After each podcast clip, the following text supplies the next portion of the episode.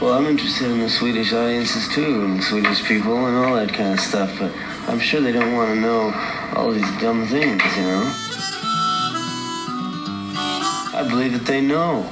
They know. Don't you, don't you know the Swedish people? I mean, they don't have to be told. They don't have to be explained to. Ja, välkomna till Vi snackar Dylan, den svenska Dylan-podden. Och jag är Magnus Ringborg, er värd. Och idag så ska jag träffa Andreas Hordakis. Välkommen Andreas hit. Tack så mycket, kul att vara här. Ja, flott alltså. Och vi ska snacka om en låt och en del annat och den börjar så här. Shadows are falling and I've been here all day. It's too hot to sleep and time is running away. Feel like my soul has turned into steel. I've still got the scars that the sun didn't heal. There's not even room enough to be anywhere. It's not dark yet, but it's getting there. Tunga ord va? Mäktig text. Riktigt mäktig text. Alltså, vi ska komma in på den där rätt så ordentligt Andreas. Men innan dess så, hur kom du in på Dylan? Eh, jag kom in på Dylan eh, via min eh, gode vän Olle Nyman som jag bodde med ett tag och han var en otrolig, eh, ett otroligt Dylan-fan. Jag hade, inte, jag hade inte hört så mycket Dylan tidigare. Så det här var väl när jag var ungefär 20 år gammal. Eh, och eh, då spelade han jättemycket Dylan eh, när vi bodde tillsammans. Och, och bara förstod, desto mer jag lyssnade, det kan vara så med Dylan tycker jag, att, att det tar lite det, det tar ett tag att komma in i det. Det var inte omedelbart för mig, men när det men, men, när jag väl började sätta ihop hans texter med musiken och, och, och det blev någon liksom det blev nästan någon symbios mellan de två sakerna så, så, så tycker jag han är helt fantastisk. Och eh, det var det som på något sätt spårade mig att lyssna vidare på honom. Du, när du är 20, vilket år är det här då? Ja, när var det här? Det här var väl 2001, 2002, däromkring. Ja, ja.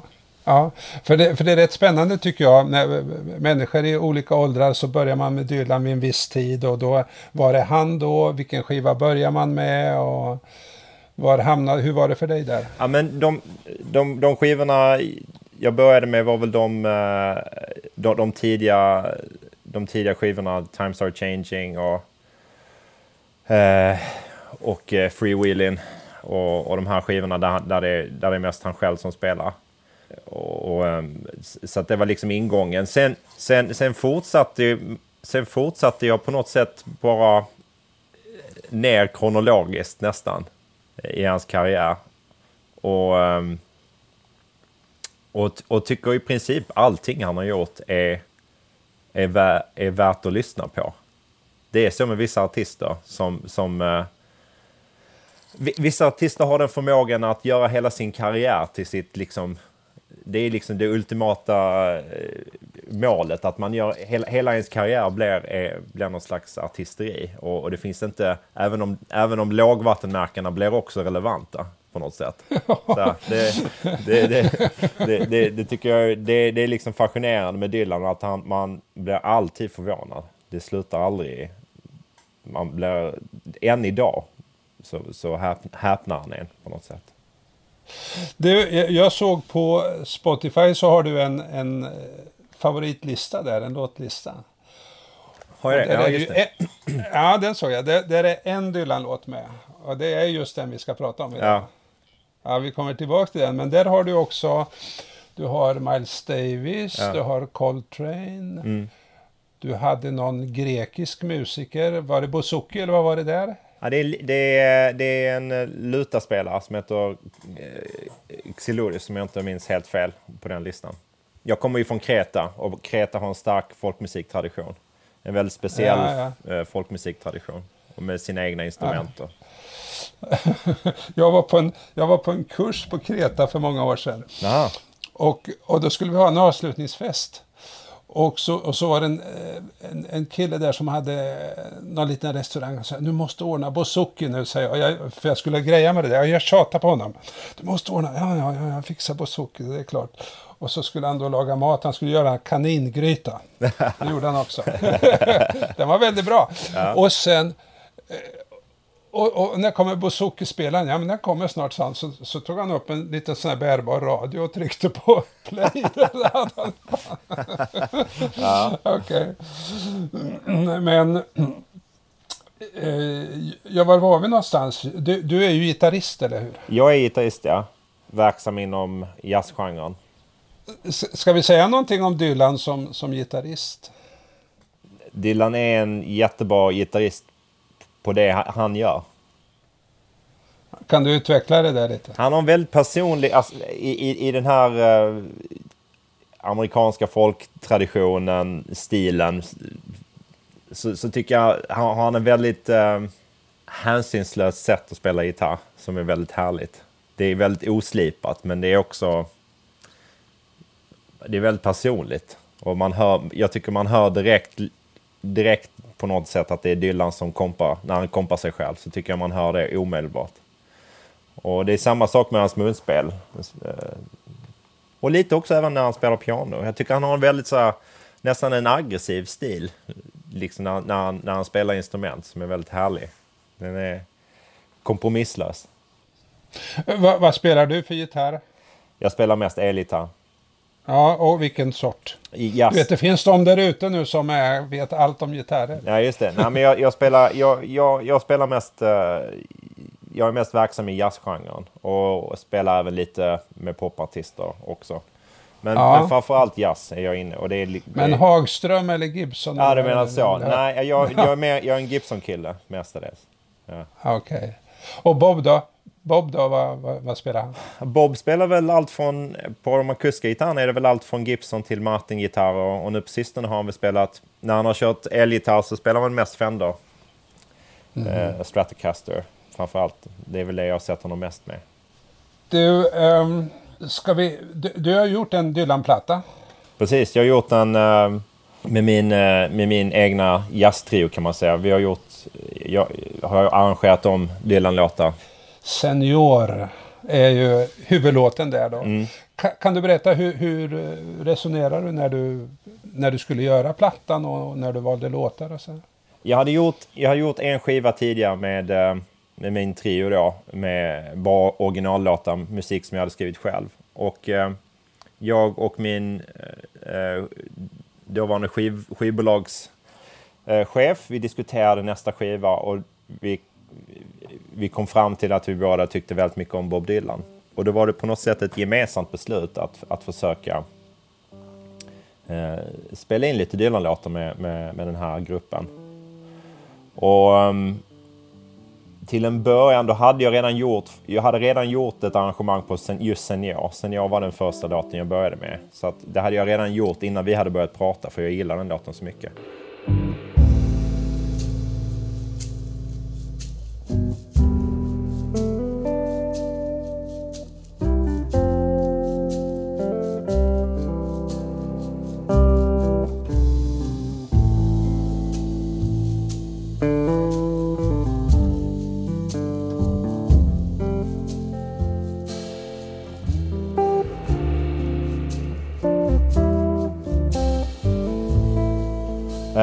Och sen så, så, så ja, men det här måste vi jobba vidare på och, och göra lite andra låtar. Men jag kom snabbt fram till att det var väldigt svårt att göra.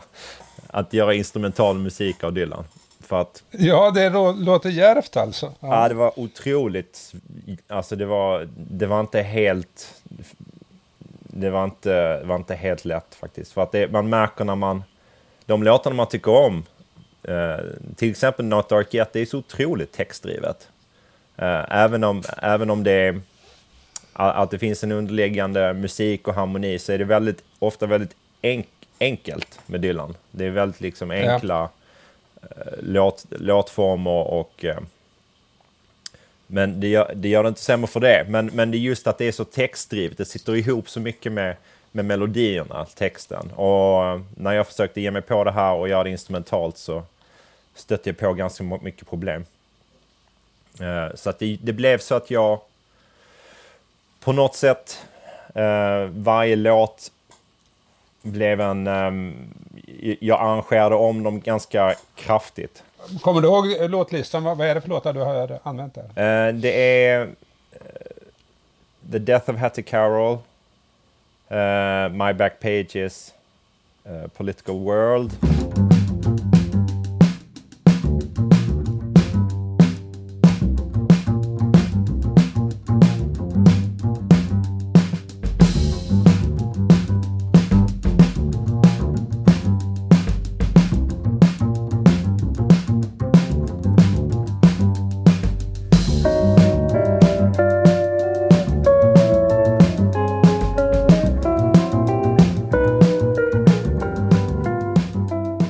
Här hittar man på Spotify, eller hur? Den finns på alla plattformar, precis.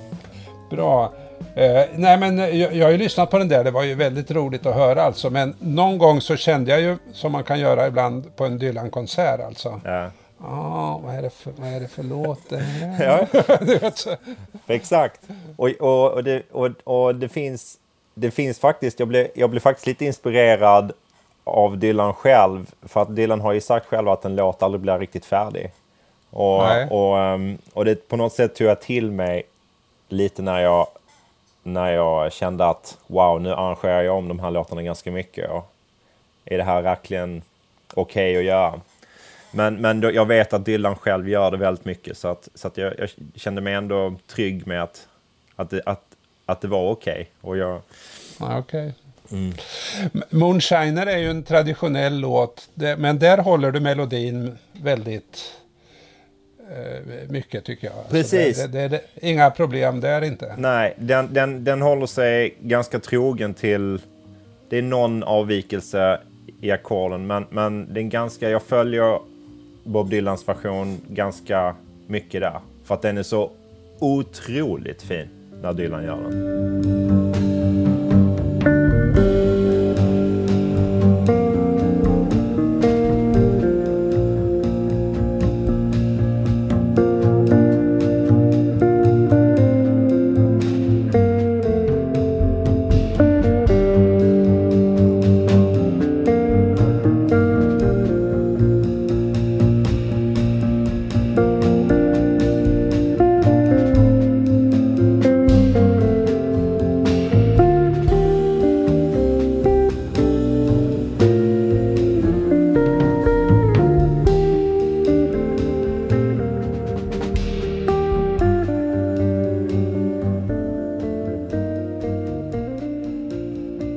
Den är absolut, jag blir nästan yr när jag hör den. Alltså jag, jag, jag älskar när han spelar den låten. Uh. Och, och, och, den som jag tycker är mest dylansk där är ju It's Alright Ma. Mm. Alltså, det har du verkligen fått fram det här drivet som man har på gitarren va, när han gör den akustiskt till exempel. Exakt, det vill, jag, det vill jag få fram. Men det är också där, den var också väldigt, den är ju väldigt enkel i sin eh, harmoniska struktur med ackorden och sådär. Så att även där så, så gav jag mig på att harmonisera om lite med ackorden.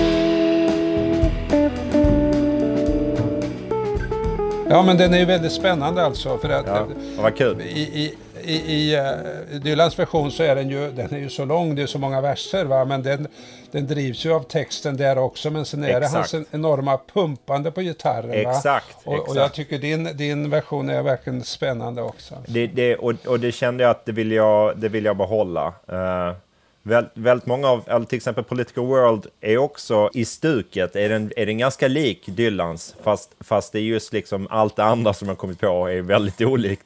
Men jag, men, men jag ville ha kvar det drivet i Political World för att det är det som är, är det är kärnan i den på något konstigt sätt, tyckte jag då. Liksom. Eller det är det jag kunde arbeta med. Mm. Okej, okay, ska vi gå in och närma oss Not Dark Yet här, men, men eh, ska vi börja med skivan Time Out of Mind, vad tänker du om den? För det, för det är ju den som kom eh, ungefär när du började med, eller några år innan då? Eh, det är väl någon slags com comeback-skiva eh, för Dylan rent kritikermässigt. Kan man väl säga. Nu, nu, jag tror att du kan mycket mer om Dylan än jag kan. Men, men, men jag, den är ju en otroligt genomarbetad skiva. Eh, med, eh, eftersom att det var Daniel, Daniel Lanois som producerade den. Eh, det är väl Daniel Lanois andra skiva med Dylan. Ja. Det är så härligt att höra honom i det här sammanhanget där han backas upp av musiker som är helt fantastiska. Några av vår tids främsta musiker och med en producent som också har sin speciella karaktär. Det blir en... Du hör mycket mer utav musikaliska nyanser än vad jag gör, men om vi säger musikerna och i den här produktionen, vad är det du vill trycka på där? Ja, men till exempel trummisarna. Det är, en, det är två, två trummisar som är med, bland annat en som heter Jim Keltner som är en, en legendar och han har spelat med Dylan tidigare. Eh, på 70-talet om jag inte minns helt fel han är, han är en, en trumlegend och har varit med på jättemånga Nashville-skivor och olika sing-songwriters i, i USA. Men sen är även en annan trummis som heter Brian Blade med. Och Brian Blade är en av vår tids största jazztrummisar. Uh, han kom fram på 90-talet och, och, på något sätt varit en väldigt, väldigt inflytelserik jazztrummis. Och Daniel Lanois har arbetat med honom på många skivor. Eh, han, jag tror att han var med på Emmylou Harris Wrecking Ball också eh, som Danny Lanois producerar. Så att, och, och de bidrar verkligen till, till de, de lägger någon slags fundament i, i, i ljudet. Och sen så är det väldigt många bra gitarrister. Duke Rubillard är med, jättefin gitarrist. Uh, uh, det, är mång, det är många sträng, det, det, är liksom ett väldigt tät ljudbild. Det är många olika instrument som, som uh, som spelar samtidigt, som gör sin speciella roll. Det ligger kanske någon, en liten en orgel som pulserar samtidigt som det ligger tre, fyra gitarrer över varandra. Samtidigt som det ligger pedalstil. Och sen, och sen då Bob Dylans uh, uh, röst och texter som är som, är, som känns lite så här kärva på den här skivan. Väldigt kärv, kärv, lite, lite kärv stämning. Det, det, blir, det, det, är en, en ganska mörk, mörk skiva liksom. Extremt mörk skulle ja. jag säga. Ja. Men du, eh, när Lanois eh, producerar, alltså Dylan vill ju ofta ha alla musiker i, vi, vi körde live ungefär va? Mm. Men hur, hur gör Lanois? Jag tror att de gjorde så också. Jag, jag fick för mig att de gjorde så. Att de, att de körde mycket i, i ett och samma rum. Sen vet jag att Dylan inte var nöjd med, med ljudbilden eller av det som eh, blev. Vilket jag tycker är ännu roligare för att eh, jag kan inte förstå hur man kan resonera så. Det är en helt magisk ljudbild och fantastisk. Ja, jag, jag är enig med det därför att dels ligger det som någonting annat än hans röst och men det, det, det låter ju verkligen texten komma fram väldigt bra alltså. Ja, det tycker jag. Det, är liksom, det finns ett lugn i den. Det, det är liksom den, den på något sätt musiken bara pulserar bakom, bakom Dylans eh, texter och, och, och melodier. Det, det, är ändå det som kommer fram mest. Du, och utav alla de här låtarna nu så, så valde du, ja inte Highland som vi ska, ska nämna, den det är ju en stor favorit utav mina. Ja, vad kul. den är kanske inte så lätt att, att göra på jazzgitarr. Men du valde alltså Not Dark Yet, varför då? Den, eh, det är tydligen, eh, jag läste sen på Wikipedia, det är tydligen den första, låt, den första singeln från den här skivan. Och jag kan förstå varför, för att den har, den har en... Att den har något drömskt och otroligt mörkt. Men samtidigt också lite hoppfullt i, i sig. För att musiken är så vacker.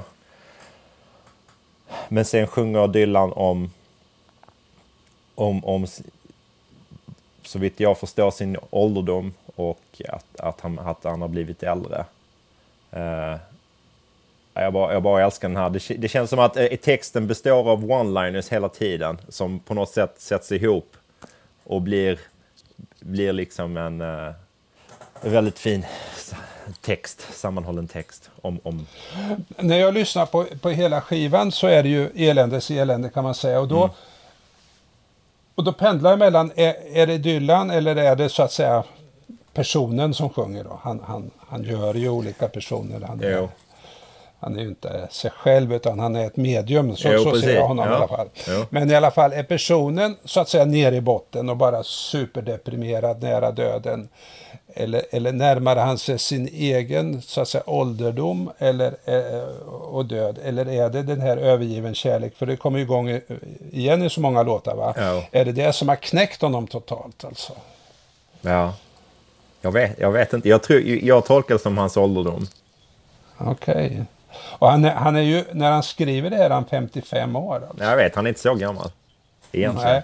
Men, men det man snackar mycket om är ju Eh, den här hjärtsäcksinflammationen som han fick bara någon dag ah. efter sin födelsedag. Okay. 26 maj 1979. Det är då han säger I thought I meet Elvis. Ah, okay, ja. Alltså, han var faktiskt nära döden. Och, och så tänker man, okej, okay, då är det inte så konstigt att han gör en sån här skiva. Nej. För den kommer ut på hösten 79. 97 menar du? 97? Ja. ja 97, självklart. Ja, så kanske det är. Men, tycker... Men så är det inte. Så är det inte. Så är det inte Därför det. att han, nej, han skriver den och spelar in den på vintern 97. Alltså. Ja, okej. Okay. Och så blir han sjuk i maj. Va? Ja, ja, ja. Så då kan man tänka Dylan, ja men han, är ju, han kan ju se in i framtiden. Han visste att han skulle bli dödssjuk. Ja, kanske. Ja, men nej, nej, nej. Jag, men jag tycker, ändå, jag tycker ändå texten handlar mer om hans erfarenheter. Snarare än, än ett visst liksom, sjukdomstillstånd. Jag tycker liksom han, han, han blottar mer att, att, han, um, att han har gått igenom så mycket. Ja. Så, så, så, känner jag i alla fall när jag, när jag läser och lyssnar på texten. Att, att, att det, det, det är... Han kanske bara är 54 eller 55, men, det är ändå, men han, har, han har gått igenom så otroligt mycket liksom, under, under den då 35-åriga karriären som han har haft redan ja, vid, den, vid den tiden. Ja. Det, det, finns inte, det finns inte så mycket mer att säga, så känner man. Ska vi, ska vi titta på texten? Du, du sa det att den är, den är full av one-liners. Vad ja. är det för eh, rader som har uh, fastnat hos dig? Ja, men till exempel, behind every beautiful thing there's some kind of pain. Uh, there's not even room enough to be anywhere. ja. Det, det är så, så himla fint. I ain't looking for nothing in anyone's eyes. Magiskt. Ja, det är hårt alltså. Ja. ja. Min absoluta favoritrad i den här är den tredje sista. I can't even remember what it was I came here to get away from. Ja, alltså det, det... Den, den är så mirakulös. Och, och, och, ett skäl till det är, är ju därför att det är ju något som Dylan är specialist på, att han kan få in så himla många ord på så få takter. Ja, ja visst. Jag vet inte hur han gör. Nej. Men om vi ser första versen här, då är det ju Shadows of falling and I've been here all day. Det är ju det är tungt. Va? Ja. It's too hot to sleep. Time is running away. Mm. Och så kommer det här, Feel my, like my soul has turned into steel. Han är förhärdad. Va? Ja, han är förhärdad. Ja. Och, och, han har I still got the scars. Du, du var inne på det. Han har så mycket erfarenheter som har gjort honom kanske illa då. Ja. Inte så att säga den riktiga personen Dylan, men berättaren här alltså. Det är Ja. det han framstår. Så man ser, man, man hör ju, det här är en man som har haft det hårt alltså och nu orkar inte längre. Men sen i andra versen så kommer ju, efter det här som du citerade, alltså Behind every beautiful thing there's been some kind of pain. Så kommer ju den här raden. She wrote me a letter and she wrote it so kind. Ja. ja det, Det är ju något nytt, nu händer det någonting Ja. plötsligt. men sen säger han också eh, she- put down in writing what was on her mind. Och sen säger han efter, efter det I just don't see why I should even care. Någon slags... li, tänker slags jag- om, de, om de tre stroferna hör ihop så är han på något sätt likgiltig. Liksom inför det också. En person som man kanske bryr sig om. Ja, men så, så tänkte jag också. Jävla typ, varför bryr han sig inte när hon har skrivit ett brev och hon har skrivit ett Nej. vänligt brev? Ja. Men sen, sen, nästa gång jag hörde så var det tvärtom. Alltså att hon har skrivit ett brev till honom. Hon har skrivit ett snällt brev. Ja. Men vad har hon skrivit? It's finito. Jag överger dig. Mm. ja, just det. Just det, Och- just och- det. och- Just det. Eller hur? Ja, just. Och, och så försöker hon linda in det genom att skriva lite vänligt. Jag tycker visserligen väldigt mycket om det, men vi ska gå skilda vägar. Ja, just det. Det som amerikanerna kallar för a dear John letter. Just det. Nej, men det, det finns ju, Hank Williams har gjort det finns massa låtar med Dear John. Va? Och det börjar i- alltså i andra världskriget, soldaterna i Europa. Och så har de sin fest med i Amerika. Och så kommer det eh, ett brev, Dear John. Det Okej. är någonting jag måste berätta. Ah. Jag är, kär, jag är kär i din bror. Ja, ja. Alltså det är så hårt va. Ja. Och du kan tänka dig när man är på andra sidan Atlanten. Och, Ja, I en skyttegrav. då, då, då, då, då, är det Shadows are falling alltså. Ja.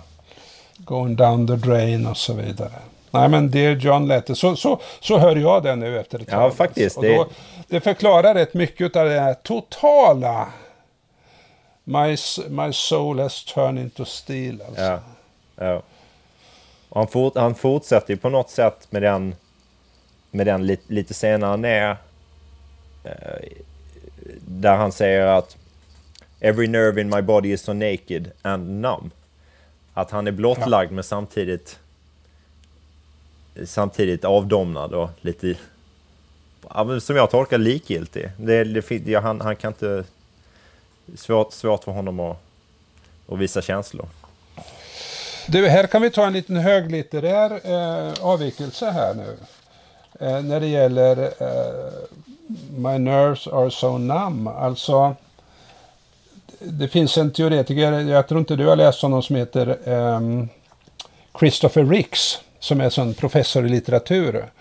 Och som har skrivit en jättetjock bok om, som heter Dylans uh, Visions of Sin, där han gör en på ett sätt lite skruvad tolkning av diverse låtar som ska handla om dödssynderna. Men i alla fall här så pratar han om uh, Not Dark Yet och så säger han det här har Dylan hämtat ifrån John Keats. Den store romantiske poeten vid sidan av Lord Byron, John Keats. Jaha. Som skrev Ode to a Nightingale, alltså Ode till en näktergal. Oj, tänkte jag, vad är det? stämmer det här alltså? Så, så, så då läste jag det här och då Keats han börjar My heart aches and a drowsy numbness pains och så vidare. Och, or emptied some du- dull opioid to the drains och så vidare. Alltså det är väldigt många ord som, som går igen och den här eländeskänslan i Ode to a Nightingale är rätt lik eh, Not Dark Yet. Men skillnaden i Keats dikt det är ju att han hör näktergalen. Och så får han en fantasi om att fly iväg med näktergalen då. Okej. Så det, det finns mycket tydligare ett hopp här hos, hos Keats medan hos, hos eh, Dylan så, så tycker inte jag det är mycket till hopp. Du sa att du hörde något hopp i det skulle jag vilja höra. Jag hör hoppet i musiken på något konstigt Ja. sätt. Ja. Alltså att, att musiken är så vacker och lj- ljuden som omgärdar den här texten är så, är så fin på något sätt. Och då blir det, för mig blir det, det är liksom, det är ett klassiskt Dylan för mig att han, att han lyckas vända på känslorna med musiken. Det är inte bara texten utan det är liksom en kombination med, med hur, vad han faktiskt... Eh, alltså musiken som man väljer att tonsätta sina, sina texter med. Det är det som blir en, en twist i min hjärna. Alltså jag, och, och, och, det, och den här låten är klassiskt exempel för, det, för, för mig, för min del. Att, att texten är fin i sig själv, men i kombination med musiken och, och, och, ja. och det där liksom nästan hoppfulla i den och, och lugna musiken som gör det du nämnde trummisarna för förut. Du nämnde ja. trummisarna, men här är det inte mycket trummor. Är det, det, är lite virv, det är liksom lite virvelslag. Uh, liksom. Om man lyssnar lite noga så är det mm. är lite virvel. Jag vet inte om båda trummisarna är med samtidigt här. Jag, jag tror att det bara är en av dem. För, för mig är i alla fall den här musiken som ett, ett, vad ska man säga, lugna dyningar från havet som rullar in på något sätt. Mm, verkligen, det är en bra beskrivning. Ja, ja, ja det, det, det, det, sjunker och det stiger och det sjunker men det är väldigt ja. lugnt. Och, och jag är helt enig med dig att, att just den där lugnet och så går det upp lite grann ibland och det är lite ljusa toner. Alltså mm. det, det står emot det här eh, ja. kärva rösten och den ja. tunga orden. Det är, nästan, det är nästan som när man hör, det låter lite dystert och mobil, men när man hör musiken så, så välkomnar man mörkret. om, det, om det är så fint så är det lugnt. Men, men sen, sen tänker jag allmänt om den här typen av text, lyrik, alltså. Mm. Det som handlar om det tunga och svarta. Alltså när man är nere, när man själv inte mår så bra så, så kan man må lite bättre av att, att höra sånt här. Det, är det inte konstigt? Jo, det, blir, det, blir, det finns absolut. Det finns någon, någon slags terapeutisk eh, grej, någon, någon, någon nästan bekräftelseaktig grej i det. Man blir lättad av att man vet att det är någon annan som vet hur det är. Absolut. Nej, det håller jag verkligen med om. Alla gånger. Och det tror jag kan ge en sån känsla. Jag är inte ensam. Alltså. Nej, nej. Jag är inte ensam med de här känslorna. Absolut. Och sen när man har ett sånt föredöme som Bob som fortsätter att skapa när han är 79. Alltså, ja, som fick en, som fick en Billboard-etta nu. Ja, det är nu. otroligt. Det är härligt. Otroligt. Det, vad, vad, vad, vad eh, tror du han sitter... Vad hoppas du att han gör nu när han sitter hemma i Malibu och Corona och får ställa in turnéer och så här? Ja, det är snopet. Han har gjort en väldigt, väldigt bra skiva nu ju. Den sista ja. som kom. Ra, vad heter den? Rowdy in Rough Ways. Heter den inte så? Ja. ja.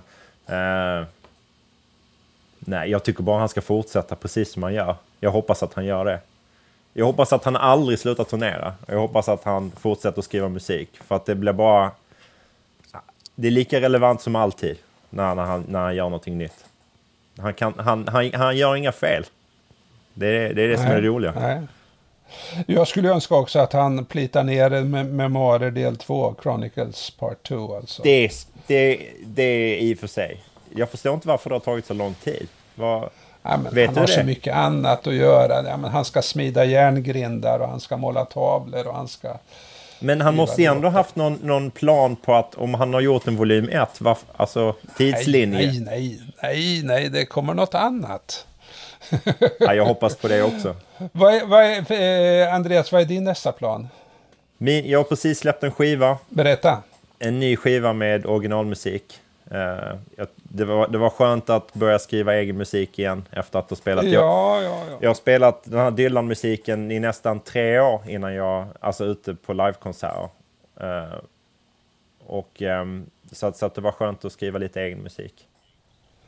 Och när man ska leta efter den, hur, hur hittar man den? Det, allt, finns, allt finns på Spotify. Mina, mina skivor finns på Spotify eh, eller andra plattformar. Och man kan även köpa fysiska vinyler oj, oj, oj. Eh, och CD-skivor om man vill det. På vilket... Ja. Och vad heter, vad heter senaste skivan? Min senaste skiva heter Underworld. Underworld. Och, och dina eh, musiker, vad heter de? De heter Ola Winkler och Martin Höper. Okej, då hejsar vi till Ola och Martin och tackar dig Andreas för denna, detta intressanta samtal. Du, tack tack. Tack, tack så mycket, kul att vara med. Fint, hej. hej.